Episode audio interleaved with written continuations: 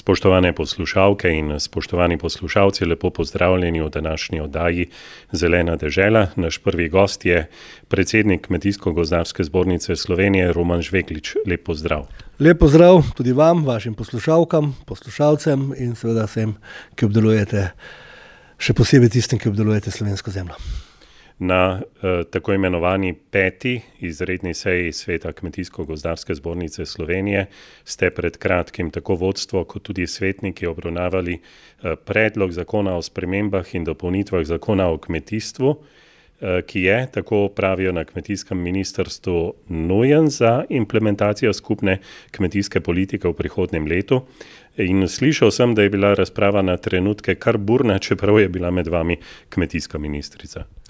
Ja, del zakona seveda je potrebno popraviti, zato ker se lahko začnejo črpati eh, denar iz nove finančne perspektive. Ne? Ker imamo seveda v tem zakonu napisano številko uredbe, ne? ki pa s koncem leta evropske uredbe ne bo več. Ne?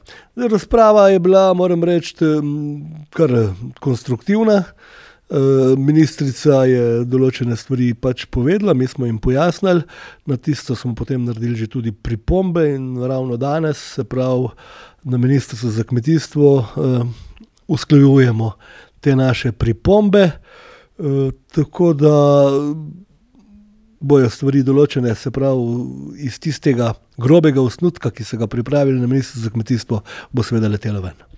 Eh, poglejte, kmete, svetnike je predvsem motila birokracija, ki jo hoče zakon kar v veliki meri uvesti. Vaš pogled. Tukaj je bilo tudi kar precej veliko dezinformacij. Ne? Eno je bilo to, da bo potrebno za vsako kmetijsko pravilo, ne? od eh, prigona živine na paše do vsega tega voditi. Evidence. To seveda ne drži. Evidence je potrebno voditi samo za posamezne ukrepe, predvsem iz uh, kopopa, ne, iz tega okoljskih ukrepov, kar jih je bilo pa potrebno voditi že tudi do sedaj. In tudi, se pravi, ponovem jih bo potrebno. Um, res pa je, da so pričakovali, da bi se te evidence vodile elektronsko.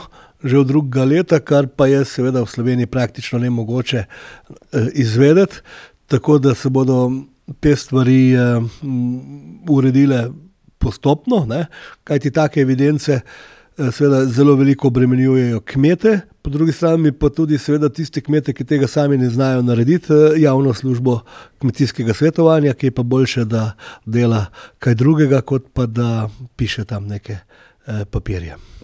Sicer ste sprejeli sklep, da taki dodatni birokraciji torej nasprotujete. Ja, tukaj gre pa potem nov člen, ki pa naj bi vsak, eh, ko kmetijsko gospodarstvo v slovenski vlogi, podpisalo en eh, tako imenovani evidenčni list.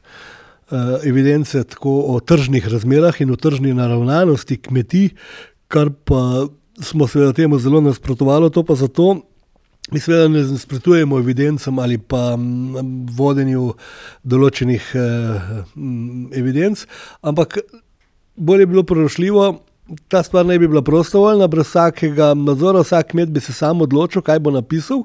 In seveda nas je bolj skrbelo, kaj bo iz teh evidenc in iz tega, kar se bo napisalo tržno, eh, prišlo ven. In če se bo potem to, da, bo, da zadeve ne bojo realne in ne bojo take, kakršne so v resnici, kajti nikjer drugi člen zakona tega zavezal, da bi lahko kmet eh, to z nekom podkrepiti z listinam, kar smo seveda ostro nasprotovali, torej taki podatki potem bi lahko prišli zelo izkrivljeni. Veste, lahko bi nekdo napisal, ki ima pol hektara jabolk, da je, prodal, eh, da je pridelal 30 eh, ton jabolk, pa jih prodal po uh, evro pa pol in bi bilo potem to, da je pač kmetija pridobila 45 tisoč evrov prihodku. Nekdo drug bi pa napisal, da je iz pol hektarja prodal samo uh, 10 ton uh, jabolk, pa da jih je prodal po pol evra in bi kmetija pridobila eh, iz uh, tega samo 5000 uh, evrov prihodkov. Ne? Ne? In potem nas je pa seveda skrbelo, kaj.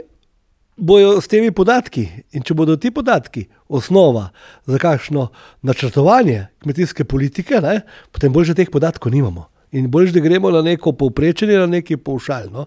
In zdaj po zagotovilu pač um, tega evidenc pri subvencijski vlogi o tržni naravnanosti kmetij, tega pač ne bo. Zdaj se še pogajamo o tem, ali bi to bilo lahko samo kot prostovoljen um, ukrep. Ki bi ga kmetija šla v to prostovoljno, ne? Sam, če bi pa seveda to bilo, potem pa mora biti na drugi strani tudi za to kmetija uh, ustrezno. Ja, sicer pa ste v zakonu o kmetijstvu, v katerem se uh, spreminja zelo veliko členov, bi lahko rekli, uh, skupaj s strokovnjaki uh, Kmetijsko-gozdarske zbornice Slovenije pripravili pripombe na te spremembe, jih tudi tokrat ministrici na seji še enkrat predstavili, so bile slišane. Ja, gledajte, v, v velikih meri ja. Ne. Govorimo o teh evidencah, kot smo na začetku brali, ne. evidenco o pravilih. Eh, to bo seveda samo za posamezne ukrepe, okoljske ukrepe. Tako da to imamo zdaj že, bom rekel, v tem eh, predlogu eh, počrtano in tudi ustrezno skorigirano druge, druge pripombe, ki smo jih dali. Za konec, konec tedna bomo obeležili dan slovenske hrane, tradicionalni Eh, slovenski zajtrk. Na tiskovni konferenci ste bili včeraj zelo neposredni in ste pozvali, da je treba razmisliti o tem, da se poveča prisotnost slovenske hrane v vseh javnih ustanovah. Je gledajte, nujno potrebno. Ne? Eh, vlada in eh, lokalne skupnosti, občine so seveda ustanovitelji teh javnih zavodov. Ne? In za mm, stroške teh javnih zavodov, seveda, se uporablja v veliki meri tudi eh, proračunski denar. Ne? In za proračunski denar, seveda, moramo mi odločiti, katera poreklo hrane bo seveda prihajalo. Enkrat na let imeti eh, zajtrk v vrtcih in osnovnih šolah je definitivno premalo. Naš cilj mora biti, da bo, eh, kolikor je možno in tam, kjer Slovenija ima zadostne količine, ta hrana bila v.